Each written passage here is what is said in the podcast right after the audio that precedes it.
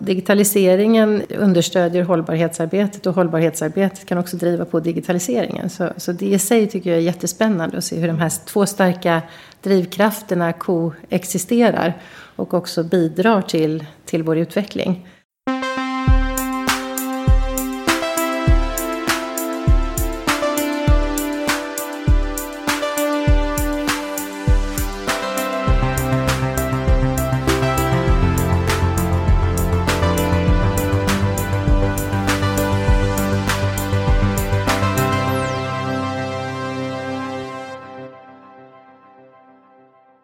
Välkommen tillbaka till Heja Framtiden. Jag heter Christian von Essen.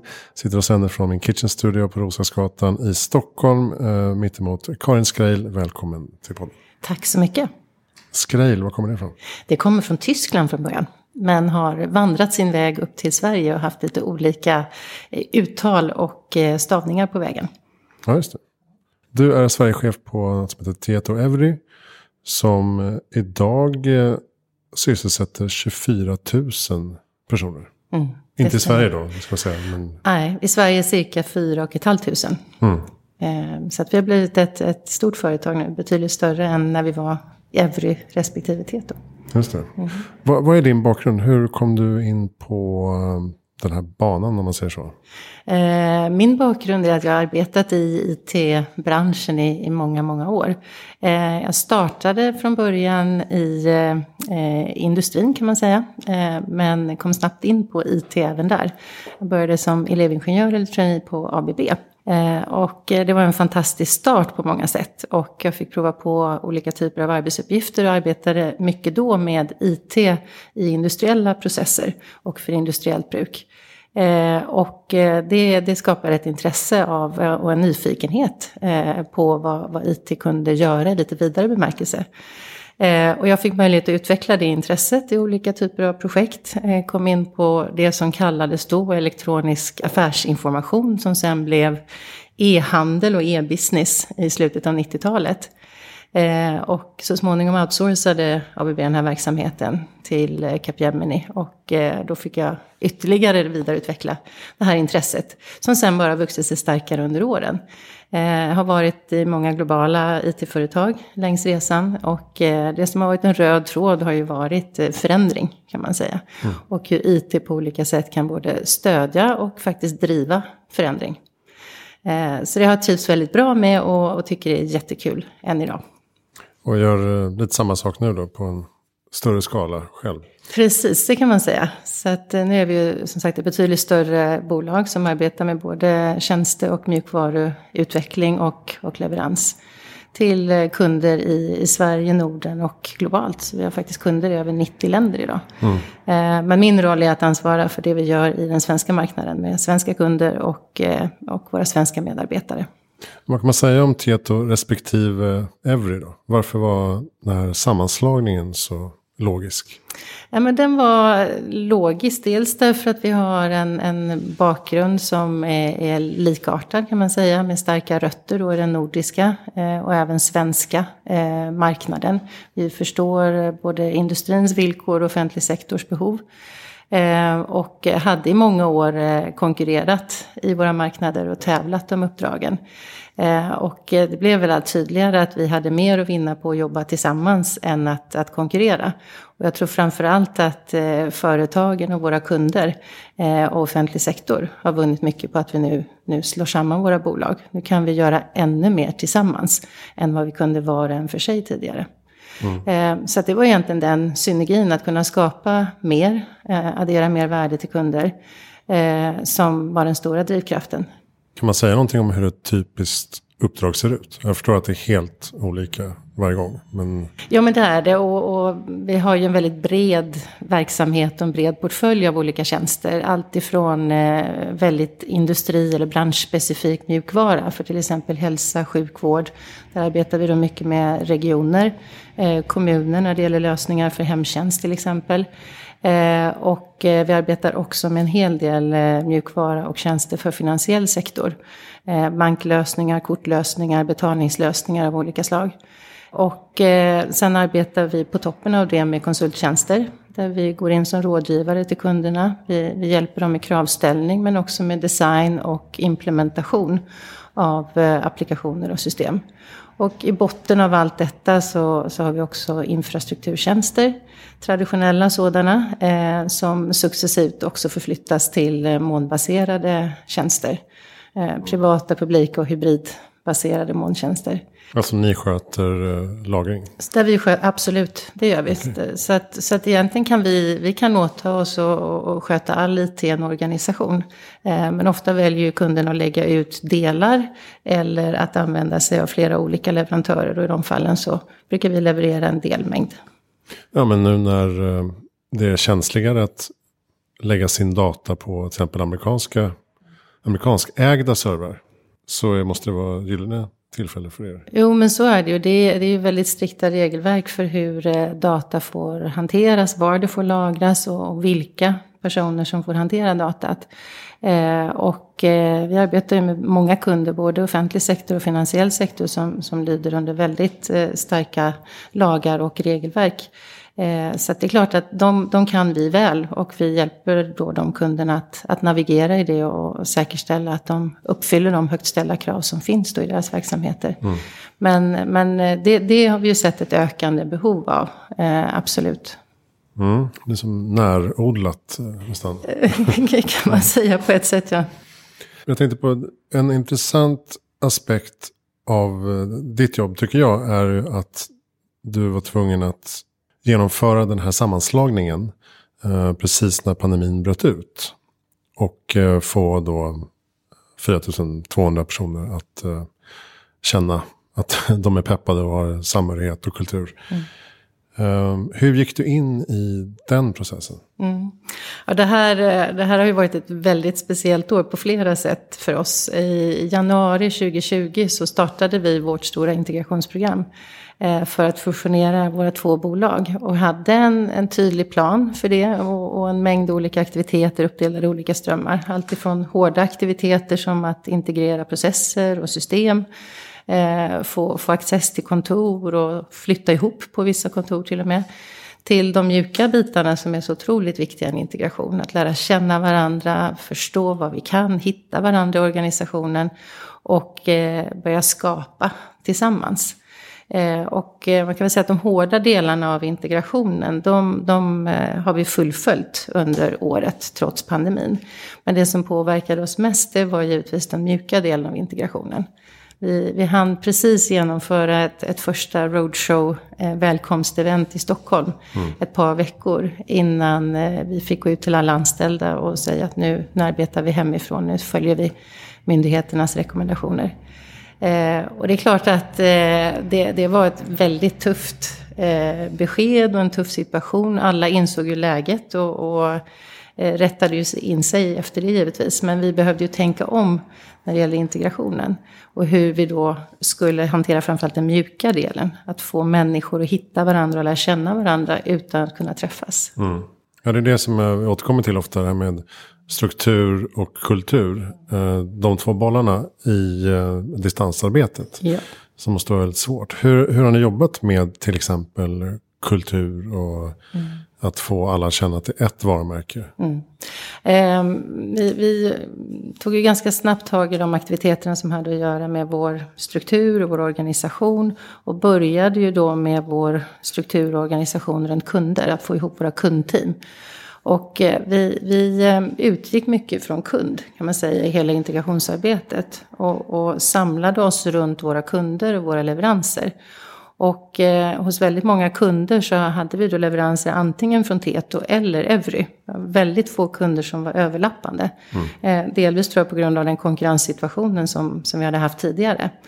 Eh, och det positiva i det, det var ju att vi kunde titta ganska snabbt på hur kan vi addera ytterligare värde. Hur kan vi addera kompetens till de här kunderna som antingen var tidigare Teto eller tidigare Ebre-kunder. Genom att ta in resurser från, från de andra bolagen, alltså respektive tidigare bolag. Mm. Eh, och det blev ett sätt också att integrera oss. Därför att då fick vi naturligt ihop de här kundteamen och leveransteamen.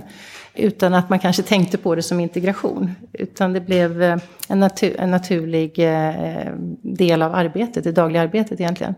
Så där vi kunde göra det så, så lyckades vi, tycker jag, relativt väl ändå att få ihop teamen. Eh, sen var det andra delar i verksamheten då där, där, där man satt längre ifrån kund. Och där det inte har varit lika naturligt att komma samman. Eh, där man kanske har jobbat i, i, två olika leveransmodeller eller två olika uppsättningar som måste fortsätta rulla in till dess att vi har bestämt oss för att nu slår vi ihop de här fullt ut. Mm. Och där har vi behövt jobba med andra aktiviteter då för att eh, främja kontakter och samarbete. Och eh, exempelvis då satt upp en, en mängd digitala möten och aktiviteter.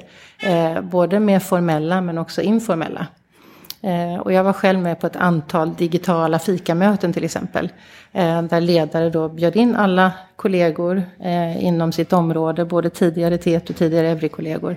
Eh, för att bara sitta och prata. Och, och de mötena var otroligt viktiga eh, för att eh, bygga en känsla av att nu är vi ett företag. Men det är klart att det är ju inte alls samma sak som att träffas fysiskt. Nej, den digitala kommunikationen och videomötena, de blir ju väldigt effektiva på gott och ont så att säga. De jag har varit med på där man sitter flera stycken och någon frågar, ja, vad har ni gjort i helgen? Och sen är det ingen som orkar riktigt lyssna. Man bara, ja, ja, eh, vi, vi kör igång nu. Man vill inte höra sex personer som berättar om sin helg egentligen. Så att det, Nej.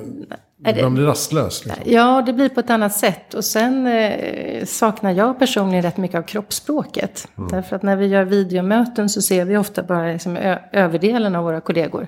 Vi ser liksom inte de andra delarna som är också en viktig del av att, att förstå eh, ett budskap till exempel. Eller när man är ny att lära känna varandra.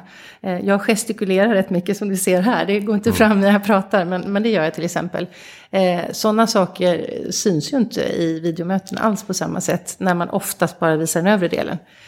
Eh, men eh, vi, vi jobbade med en mängd sådana aktiviteter. Vi satte upp eh, forum också som vi kallade för Teto Every Talks. Där vi bjöd in alla i hela organisationen för att komma med sina frågor och funderingar. Och så hade vi ledare då från Sverige och även globalt som deltog i de här mötena. För att svara på frågor och, och, och ta med sig frågor. För det var inte allt vi kunde svara på i de här forumen. Eh, och sen så återkommer vi med svar som vi delade öppet med alla i hela organisationen.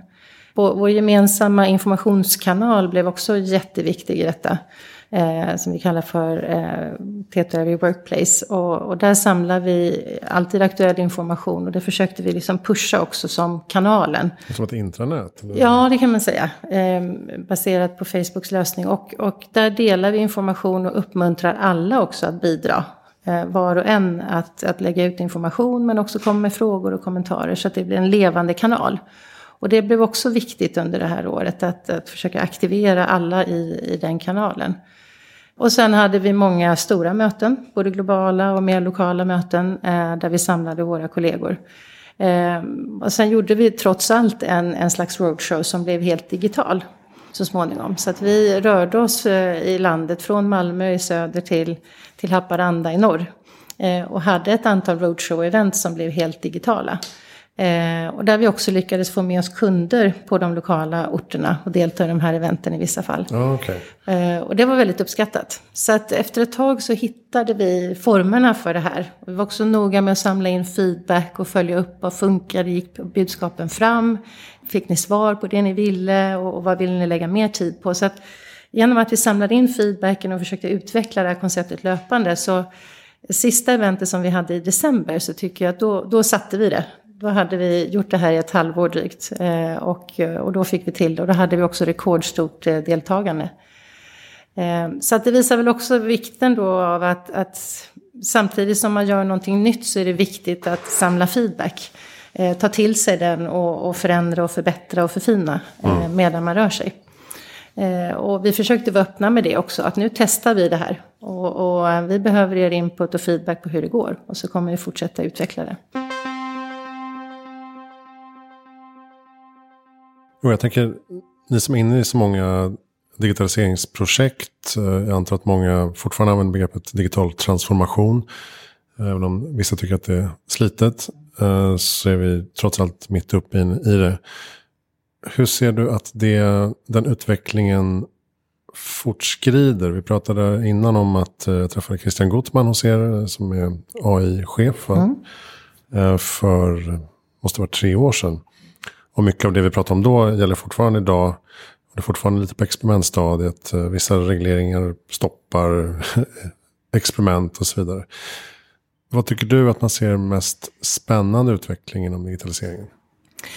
Eh, att till att börja med så, så ser vi ju att, att eh, pandemin har ju faktiskt accelererat digitaliseringen med, med någonstans tre år bedömer vi då. Det ser lite olika ut givetvis i olika branscher och sektorer.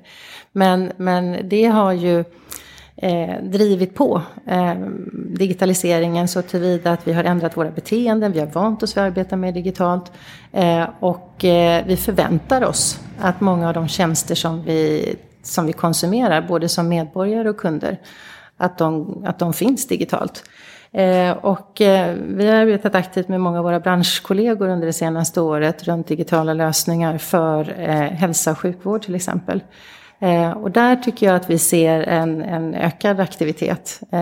Där har vi definitivt fått upp en, en, en, tydlig bild av både behoven och möjligheterna som har spridit sig, tror jag, rätt brett i samhället. Eh, och ju fler som, som är med och ställer krav på digitala lösningar, desto, desto mer hjälper vi alla till att accelerera den. Men eh, ett, ett litet exempel på lösning som vi var ganska snabba med att, att lyfta upp och, och eh, implementera, det var vår lösning för mobil incheckning på sjukhus och vårdcentraler. Eh, som ju blev högaktuell i samband med pandemin när, när vi vill undvika smittspridning. Och där man egentligen checkar in via sin mobil och aldrig behöver gå in och ankomstregistrera sig inne i lokalen. Utan kan vänta utanför då tills det är dags för, för besöket. Eh, och det var en ganska liten, relativt enkel lösning men, men den adderar ju otroligt stort värde och nytta. Och inte bara i en pandemi utan rent generellt. Eh, så det, det, är ett bra exempel på, på en lösning som, som vi kunde plocka fram väldigt snabbt då i, i en pandemisituation. Eh, men sen har vi fortsatt att arbeta med eh, jätteintressanta lösningar tillsammans med exempelvis eh, hemtjänsten i, i några kommuner. Vi har i Malmö och Kristianstads kommun till exempel. Där vi har gjort ett pilotprojekt med en digital assistent som jag tycker är jättespännande. För att hjälpa våra äldre och seniora som, som inte är så IT-vana Eh, och, eh, och det är ju intressant i sig hur vi kan hjälpa till att minska den klyftan. Men i det här fallet så handlar det om hemtjänsten. Eh, som ju besöker många av våra äldre regelbundet. Och här har vi tagit fram en digital assistent som just nu utvärderas. Som hjälper äldre att få information om när de kan förvänta sig att få sitt besök. Vem det är som kommer, vilken tid de kommer. Och eh, så kan de till och med få upp ett foto och lite information om personen som kommer och besöker dem. Ja, också en relativt enkel lösning men som också kan addera väldigt mycket värde för, för medborgaren i det här fallet. Då. Ja, för det är ett stressmoment för många. Det är ett väldigt stressmoment för när många. När kommer vem? Exakt, när kommer vem? Och, och eh, då ringer man och, och, ställer frågor eller försöker få information mm. om det. Istället så kan man då sitta hemma i soffan och själv ta reda på den informationen väldigt enkelt genom att man kopplar upp sig mot assistenten som talar om det tydligt. Eh, också en, en, relativt enkel tekniskt sett lösning men som också adderar väldigt mycket värde. Vi har eh, lösningar som vi tittar på tillsammans med hemtjänsten i Hörs kommun till exempel. För dementa som behöver övervakning eh, och eh, där vi då kan hjälpa till att övervaka på distans. Så att kommunen kan, kan eh, hålla koll på vad som händer eh, hos medborgaren istället för att behöva åka ut fysiskt och kanske störa personen i nattsömnen. Eh, också lösningar som finns tillgängliga tekniskt, relativt enkla, jag ska inte så säga, förenkla det för mycket, men alltså det är ju lösningar som finns tillgängliga idag, teknik mm. som finns på plats. Och eh, som igen kan addera väldigt mycket värde då för, för en medborgare. Eh, vi har också jobbat med spännande utvecklingsprojekt med, eh, med Helsingborgs stad runt en robotlösning för förskolor. Som avlastar förskolepersonalen och kan hjälpa barn att få svar på frågor som vad är det för väder, vilka kläder ska jag på mig, vad blir det för lunch? Och barn i en viss ålder ställer ju mycket frågor för att de vill veta. Och, och här kan de få svar då utan att de behöver prata med, med personal i vissa lägen. Då. Så det blir ett komplement kan man säga till, till mm. personalen. Jag har fyraåring så att det är på väg in i, den här frågeåldern. Ja. Exakt, ja. Då, då, kanske du skulle önska att du hade en sån, mm. sån där hemma ibland. Vi deltar i många eh, olika typer av utvecklingsprojekt av det slaget. Eh, som rör just eh, tjänst eh, och, och, underlättandet då av, eh, av vård till exempel för medborgare. Mm. Jag tänkte komma in på det här med, med hållbarhetsarbetet. Jag antar att många av era kunder parallellt jobbar med hållbarhetsfrågor och även behöver digitaliseras. Eh, kommer ni in som en bra pusselbitar i det arbetet skulle du säga? Det, det skulle jag verkligen säga. Digitalisering och, och, hållbarhet är ju två starka drivkrafter idag i alla, alla delar av samhället. I, i företag, offentlig sektor. Ehm, och, och, och, det går ju faktiskt ner till oss som individer också. Ehm, och, och, digitaliseringen understödjer hållbarhetsarbetet och hållbarhetsarbetet kan också driva på digitaliseringen. Så, så det i sig tycker jag är jättespännande att se hur mm. de här mm. två starka drivkrafterna koexisterar och också bidrar till, till vår utveckling. Eh, och eh, vi, vi arbetar ju själva med en, en väldigt tydlig hållbarhetsagenda som egentligen vilar på på tre ben. Ett ben som har att göra med miljö och klimat, ett som har att göra med mångfald och ett som har att göra med etik. Eh, och eh, de här tre har givetvis kopplingar sig emellan. Eh, men de är otroligt viktiga var och en för sig eh, också. Och eh, här har vi eh, mål för vårt eget arbete i vart och ett av de här tre benen. Men vi arbetar också med lösningar som ska hjälpa våra kunder och, och samhället i stort med, med, deras viktiga arbete runt klimatfrågor till exempel. Runt mångfald och jämställdhet och, eh, och runt etik till exempel. Och, mm. och, och, det man kallar ansvarsfull business eller responsible business. Jag tänkte på det, vad, vad lägger ni etikbegreppet när det gäller hållbarhet? Eh, men det, där ligger ju att, att följa de lagar och regler som omgärdar, i vårt fall då digitala lösningar. Exempelvis privacyfrågor kommer in där. Att göra affärer på ett, på ett etiskt sätt. Att säkerställa att, att alla led i, i tillverkningskedjorna eh, uppfyller våra högt ställda krav och förväntningar på schyssta anställningsförhållanden, arbetsförhållanden och så vidare. Så att det är många dimensioner av det. Men totalt sett alltså att man bedriver en ansvarsfull verksamhet. Ja, det som många kallar social hållbarhet. Ja, precis. Går under etikbegreppet. Ja, ja. Okay.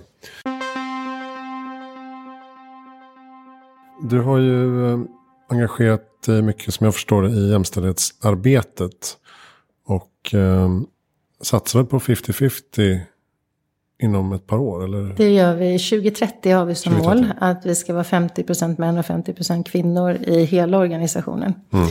Eh, och det är ett, eh, ett, eh, utmanande mål kan man tycka, men, men för mig är det också ett självklart mål. Eh, därför att eh, vi, vi ser ju att vi behöver en mångfald och det är en mångfald inte bara egentligen i fråga om kön utan också i form av olika erfarenheter, bakgrunder eh, och så vidare. Mm. Eh, och det är det som driver vår, vår strävan mot att nå 50-50. Eh, vi behöver det för vår innovationskraft, för att skapa de lösningar som, som vi gör för våra kunder. Våra kunder och, och deras kunder består ju av både kvinnor och män och personer i alla åldrar och olika typer av behov. Men eh, det behövs också för att eh, såklart i slutändan eh, generera de resultat och de mål vi vill nå. Men vi vet också från många undersökningar att, att en bra mix och mixade grupper leder till ett högt engagemang och trivsel. Ehm, att man tycker att det är roligare och mer utvecklande att arbeta i, i blandade team. Så att mm. av flera skäl så, så, så ser vi att det är viktigt att ha ett tydligt mål på att, på att nå en viss mix. Är det svårt, skulle du säga, att nå dit? Eller ser vi en yngre generation av eh, techintresserade tjejer som börjar ta för sig på marknaden? Eh, jag skulle vilja säga att det var många fler.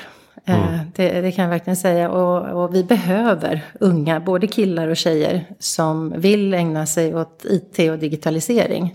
Eh, det kommer att, vara centralt i alla delar av samhället, i alla organisationer, i alla företag. Var man än landar någonstans så kommer man arbeta med digitalisering i någon form. Så att, att vara med och skapa de lösningar som ska nyttjas här är ju en jättespännande möjlighet för, för nya generationen att få komma in och verkligen göra skillnad. Eh, och det skulle jag vilja att de ser. Jag skulle vilja att de ser de möjligheterna. Eh, och jag tror att, att eh, berätta om exempel på lösningar som vi gör, exempelvis för föräldrar, för förskolebarn, eh, för skolelever och, och annat. Förhoppningsvis kan det hjälpa våra unga att relatera till vilken skillnad digitaliseringen gör. Och det är någonting som jag skulle önska att vi kunde få ut ännu tydligare, ut i skolorna och att man fick också verkligen prova på i tidig ålder att vara med och bygga lösningar och se hur, hur man kan bidra då till att på lite sikt göra skillnad i större mening. Mm. Ja, det finns en problematik i det att tidigare har vi sett eh, ingenjörskonsten vara eh, ganska manligt dominerad. Mm. Eh, vilket innebär att det blir en del av samhället som bestämmer hur samhället ser ut på många sätt. Och nu blir det samma sak med de digitala lösningarna. Att det, är, det blir snedvridet då om, eh, om män ska bestämma hur våra sociala tjänster fungerar. Um, sen måste det inte vara alltid jättestor skillnad i, i infallsvinkel. Men någonstans är det ju Eh, ett annat perspektiv. Absolut, och vi behöver ha liksom det, det breda perspektivet. Och, och, vi brukar prata mycket om att ta utgångspunkt i slutanvändaren. Vem är det som ska använda den här tjänsten mm. eller den här lösningen? Är det en gammal eller ung? Är det en man eller kvinna? Eh, är det en person som som eh, eh, förstår alla språk eller behöver vi tänka på språkaspekter och liknande. Så tar man utgångspunkt i användaren så blir det rätt självklart att vi måste ha med olika kunskaper och perspektiv när vi skapar lösningarna. Och eh, det, det tror jag är jätteviktigt eh, för framtiden att vi jobbar på det sättet. Men eh, sen är det klart att, att vi behöver puffa eh, unga, kanske särskilt tjejer då, att, att ge sig in i att, att skapa de här lösningarna. Och jag tror att det handlar mycket om eh, att, att vi visar på vad, vad gör man när man bygger en lösning eller en app eller ett system. Eh, det, det handlar inte enbart om teknik eller vara duktig på programmering. Det handlar minst lika mycket om att förstå behoven som den här lösningen ska fylla och, och hur den ska vara designad för att, att uppnå de, de syften som, som man strävar efter. Så det är väldigt mycket annat än ren programmering i, i digitaliseringen. Mm. Eh, och eh, som sagt, det, det, skulle jag önska att vi blir bättre på att, att eh, föra ut till våra unga. Ehm, en annan önskan jag har det är att få koppla ihop eh, unga eh, ungdomar med lite äldre. För det är ju också så att, att vi vet att många äldre eh, inte är särskilt digitala idag. Det vill säga vi har en digital klyfta. Och den blir ju än tydligare när digitaliseringen nu accelererar. Eh, och jag har sett siffror på att vi har någonstans uppemot en miljon människor i Sverige som inte har använt internet. Och det kan man tycka nästan är skrämmande idag när, när nästan alla tjänster som vi konsumerar i samhället eh, bygger på att vi är digitala eller kan koppla upp oss. Så här, här skulle jag ju önska att man kunde förena den yngre och den äldre generationen. Och, och på något sätt hitta någon, någon, form av bilaterala mentorskap där mm. unga kan stötta och hjälpa äldre eh, inom digitalisering och, och användning av internet och liknande. Eh, samtidigt som ju våra äldre och seniora sitter på väldigt mycket kunskap och erfarenhet som jag tror skulle vara nyttigt för våra yngre och unga att få ta del av. Så att eh, om man kunde korsbefrukta här så tror jag att vi skulle kunna hjälpa varandra. Att eh, både anamma digitaliseringen och också driva den vidare framåt. Mm. Det låter som ett bra litet projekt. Ja, precis. nej, men, nej, men det är jättebra, apropå liksom ja. outnyttjad potential. Det är precis så. Håll. Ja, men det är mycket det det handlar om. Vad ska man plugga idag tycker du man ska lyckas i framtiden? Nej, men, eh, till att börja med ska man ju plugga någonting som man, eh, som man tycker är, är, är roligt och brinner för. Eh, men jag tror att alldeles för få, när man gör det här valet och, och redan när man gör sitt gymnasieval, har den fulla bilden av vilka möjligheter som finns. Och, och som jag sa tidigare, vad, vad, innebär det att arbeta med exempelvis eh, applikationsutveckling eller att bygga AI-lösningar? Ehm, jag tror att, att eh, om vi kan få ut mer kunskap om det så förhoppningsvis är det fler som skulle få upp ögonen för hur mycket spännande möjligheter och jobbmöjligheter som finns i det. Ehm, och som sagt, det är också en möjlighet att få vara med och på riktigt göra skillnad mm. i samhället. Så att eh, jag tror att den delen eh, behövs det mer av för att locka unga. Men, men eh, givet det då så, så absolut att, att, eh, att läsa eh, systemutveckling, att, att läsa systemdesign, systeminteraktion, eh, tekniska utbildningar givetvis. Men också mm, ekonomi och, och psykologi pratade ju min kollega Christian Guttman om. Eh, kommer att bli en, en eh, viktig del när vi utvecklar AI-lösningar till exempel för att förstå mänskligt beteende och kunna förutse mänskliga beteenden. Eh, så det är många olika kompetenser som behövs för att skapa de här lösningarna. Mm. Det gäller att man vågar rekrytera efter de kompetenserna också då? Precis så. Eh, och det försöker vi tänka på när vi rekryterar också. Att inte vara för snäva när vi tittar på vilken utbildning eller eh, exakt inriktning som, som man har med sig från skolan. Utan eh, vi försöker rekrytera på en kombination av att man har, har en bra plattform men också potential och intresse. Precis, för man, man kan aldrig riktigt veta vad som kommer att behövas i det här multifunktionella teamet som ska bygga nästa AI-lösning. Nej men så är det ju och, och, jag kan ju bara gå tillbaka till mig själv som fick en, en jättebra start i arbetslivet när jag fick en möjlighet att prova på många olika typer av arbetsuppgifter.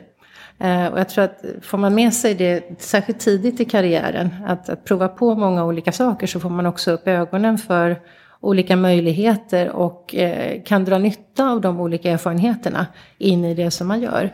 Så jag tror att, att jobba på bredden tror jag är viktigt och på det sättet så, så kommer de här tvärfunktionella teamen eh, in väldigt väl. Därför att där, där jobbar man och stöttar varandra tillsammans. Så att säga. Det är ett samarbete och man täcker upp för varandra eh, och alla erfarenheter kommer in då i skapandet. Mm, det är väldigt lätt att när alla har samma bakgrund så um, det är lätt att nå konsensus tycker jag att ja, men det här är, känns härligt. Det, det kan kännas väldigt smidigt tror jag ibland.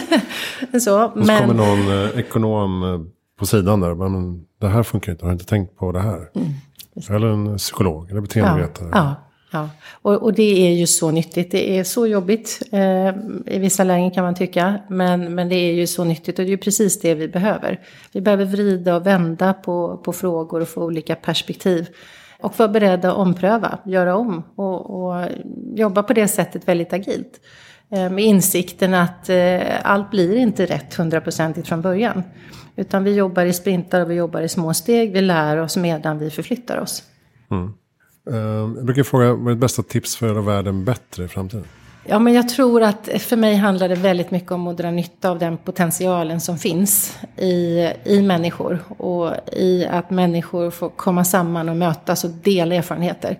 Ehm, så lär vi oss saker, så bygger vi kunskap och insikter eh, som vi behöver för, för framtiden. Så att eh, jag tror personligen väldigt mycket på mentorskap i olika former. Och eh, att man i de mentorskapen kan vara väldigt öppen. Jag tror väldigt mycket på feedback, återkoppling. Och, och då tänker inte jag bara på traditionell feedback från en chef eller ledare till en medarbetare. Utan också där omvänt och i alla riktningar. Feedback är den finaste gåva man kan få, tycker jag personligen. Och eh, det, det, det är någonting som vi alla eh, behöver och eh, kan dra nytta av så att säga för, för att bli bättre och, och, och lyckas med det vi vill. Eh, i, eh, i, både smått och stort egentligen. Så, så det är väl bitar som, som jag skulle önska och som jag försöker själv fostra då i den kulturen som vi nu bygger i vår organisation. Mm. Eh, att det är någonting som vi gör som en del av vårt dagliga arbete. Men jag tänker också att det är någonting som vi i samhället i stort skulle kunna anamma och göra ännu bättre. Vad tycker du är eh, viktiga parametrar för framtidens ledarskap? Och eh, hur jobbar du med det själv i så fall? Ja, det är en stor fråga. Eh, och eh, ledarskapet har ju många, många delar. Det tar ju avstamp i någonstans en, en tydlig bild av vad vi ska åstadkomma.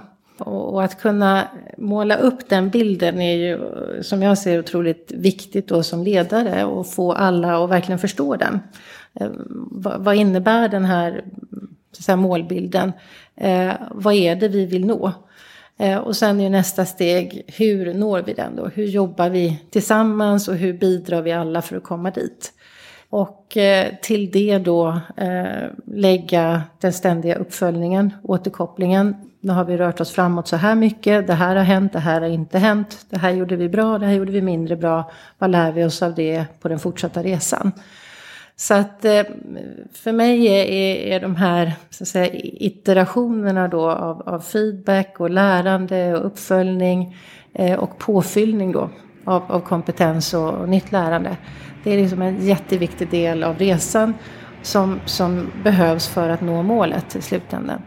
Eh, och, och, som ledare har man ju, en, som jag ser det, en, en, fantastisk möjlighet då givetvis att vara med och påverka den här resan. Men man har ju också ett, ett ansvar i resan att se till nu att vi verkligen beaktar alla de här olika delarna som behövs för att vi ska röra oss framåt och, och nå vårt mål i slutändan. Och jag hade en, en ledare i en organisation en, en gång som sa att, att, ledarskap handlar om att omsätta goda intentioner till eh, lyckosamma resultat. Det vill säga att ta en ambition, en intention, en målbild och, och sen jobba med teamet, organisationen, gruppen eh, för att göra den resan. Eh, så, så för mig handlar det om att, att det är ett lag som jobbar tillsammans men det finns en ledare som är där och pekar ut riktningen och, och stöttar och ser till att det, det rör sig i rätt riktning. Mm. Eh, sen, sen är det viktigt som ledare givetvis att kunna finnas där. Och det har väl varit en, en särskild utmaning tycker jag under, under pandemin. Eh, man finns där men man är digital. Eh, man ser inte varandra, man springer inte på varandra spontant på samma sätt. Eh, den biten är jätteviktig tycker jag i ledarskapet. Det här spontana mötet och den spontana informationen som inte alltid är strukturerad och som inte alltid är förberedd. Eh, och, och att, att, få fram den när man arbetar helt digitalt tycker jag har varit en, en utmaning. Så det är någonting jag verkligen ser fram emot när vi kommer tillbaka och får arbeta på, på kontoren lite mer igen. Att, att faktiskt eh, få, få mötas mer spontant och, och, och få med mig eh, det i ledarskapet också. Mm. Har ni någon eh, formaliserad strategi för det här livslånga lärandet och kompetensutveckling kontinuerligt så att säga, ja. hos er anställda? Ja, absolut. Och det är ju en jätteviktig del av den kulturen som vi bygger nu. Det livslånga lärandet, det ständiga lärandet. vi har satt upp ett antal learning communities som är tvärsorganisationen som alla kan signa upp sig och, och delta i. Eh, och som någon leder. Eh, och det kan vara runt ett teknikområde eller det kan vara ett lite större område. Eh, det kan vara lösningar för en viss typ av bransch eller segment till exempel. Eh, och eh, här delar man då information. Man sätter upp små, små event för att presentera lösningar, tekniker, exempel på lösningar vi har gjort för kunder och så vidare. Så det här har vi på plats, men, men vi ska fortsätta och bredda det och vi ska rulla ut det så att, så att alla verkligen är, är, är med i, i eh, minst en, men allra helst flera learning communities. Och sen kan man då över tid givetvis hoppa in och ut ur olika eh, communities som, som man behöver. Så det är en sak vi gör. Ehm, sen har vi haft en, en serie under 2020 som en del av integrationen, learning sessions kallar vi det. Ehm, som man sätter upp då en viss tid men som spelas in och som alla kan, kan eh, ta del av senare. För att informera om vad är det vi gör inom den här gruppen som arbetar exempelvis med customer experience. Eh, vad gör vi och vad är det för tjänster vi kan tillhandahålla och, och, och exempel då på lösningar som man har gjort. Eh, så där har vi presenterat oss kanske lite mer för varandra. Eh, men det har också varit väldigt värdefullt. För en stor organisation så är det inte självklart att alla vet vad man gör i alla delar av verksamheten. Ja, så bara det att förstå vad vi gör och vad vi kan har varit en, en, en bra plattform att jobba vidare från. Sen eh, fortsätter vi arbetet med att uppmuntra till eh, job rotation. Eh, och det, det, kommer vi också att, att, driva ännu mer nu därför att vi ser ju att marknaden eh, börjar ta fart igen. Vi, vi har en jätteefterfrågan på konsulter inom vissa teknikområden. Eh, så att här försöker vi hitta talanger externt men också internt och eh, titta på vad, vad, har vi talanger som kanske inte har jobbat i den här grupperingen tidigare men som skulle kunna gå in och, och eh, bygga en, en, karriär där. Så att intern job rotation blir viktigt för att matcha våra behov men det är också viktigt som en del av den individuella utvecklingsplanen. Eh, som vi pratade om tidigare, att man verkligen utmanar sig själv att prova på olika typer av roller och olika arbetsuppgifter. Mm. Eh, för det är ett bra sätt att växa och utvecklas och, och, och, det, och det, hjälper oss att, att eh, skapa lösningar där vi får med olika perspektiv. Bra. Har du några bra lästips eller poddtips? Ja, jag, jag har eh, några tips. Eh, eh, jag är ju med också i, i vår branschorganisation IT och telekomföretagen. Och jag har förmånen att få arbeta i, i styrelsen där. Och vi eh, inledde ett initiativ förra året för att stötta just samhället under pandemin som vi kallade eh, Vi täcker upp. Och det har utvecklats till en podd.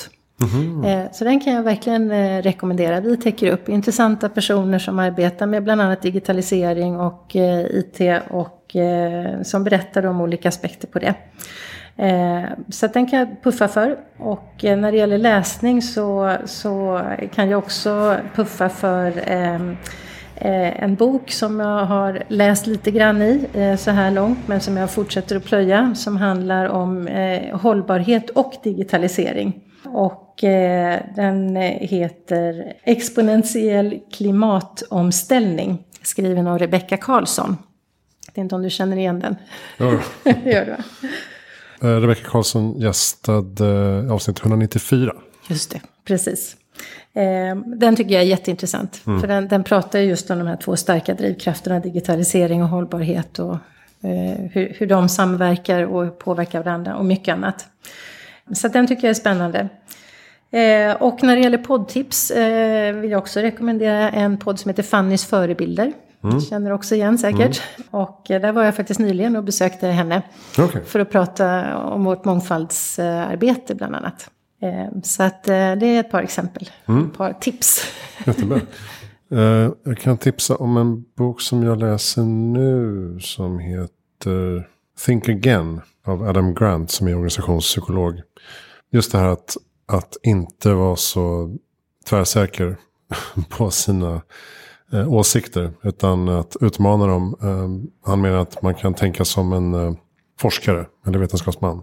Istället för att tänka som en eh, präst eller en eh, åklagare. Eller någon som ska ut och mässa sitt budskap. Så ska man istället hela tiden försöka kanske sticka hål på sin egen Eh, övertygelse. Och vända och vrida på den. Eh, så att man liksom kommer framåt och inte bara fastnar. Jätteintressant. Ja, men det är bra. Mm. Vem tycker att jag ska intervjua i Heja Framtiden? Jag tänker på Marcus Lingman, årets AI-svensk 2020. Mm, nej, nej. Eh, han har också varit med i Vi täcker upp-podden. Så det skulle vara ett tips. Även Åsa Zetterberg, som är vår eh, förbundsdirektör för IT och telekomföretagen och har en, en lång bakgrund inom IT och digitalisering. Inte minst då i, i arbete för tidigare regeringar. Just det. Jag, måste, jag tror jag har frågat henne om medverkan för tre år, fyra år sedan. Ja, men det kanske är dags nu igen. Ja, jag tror det är dags. Ja, så det kan vara ett par tips. För hon var väl inblandad i det här eh, digitaliseringskommissionen, eller DIGG som heter. Yes, det stämmer. Men inte längre? Eh, nej, nu är hon, eh, nu är hon eh, fullt engagerad i telekomföretagen. Men, men såklart eh, arbetar ju med frågor som var aktuella mm. i, i det arbetet också. Bra. Mm. Men då eh, avrundar vi här. Tack snälla Karin Skail för att du kom till Heja Framtiden. Tack så mycket. Jättekul. Tietoevry.se.com och allt möjligt. Tietoevry.com ja. ja hittar ni mer information om um, detta megabolag. På hejaframtiden.se hittar du information om alla intervjupersoner som har varit med och uh, mina andra projekt och böcker, föreläsningar och så vidare. Nästa vecka hörs vi om något annat. Tack för att du lyssnar.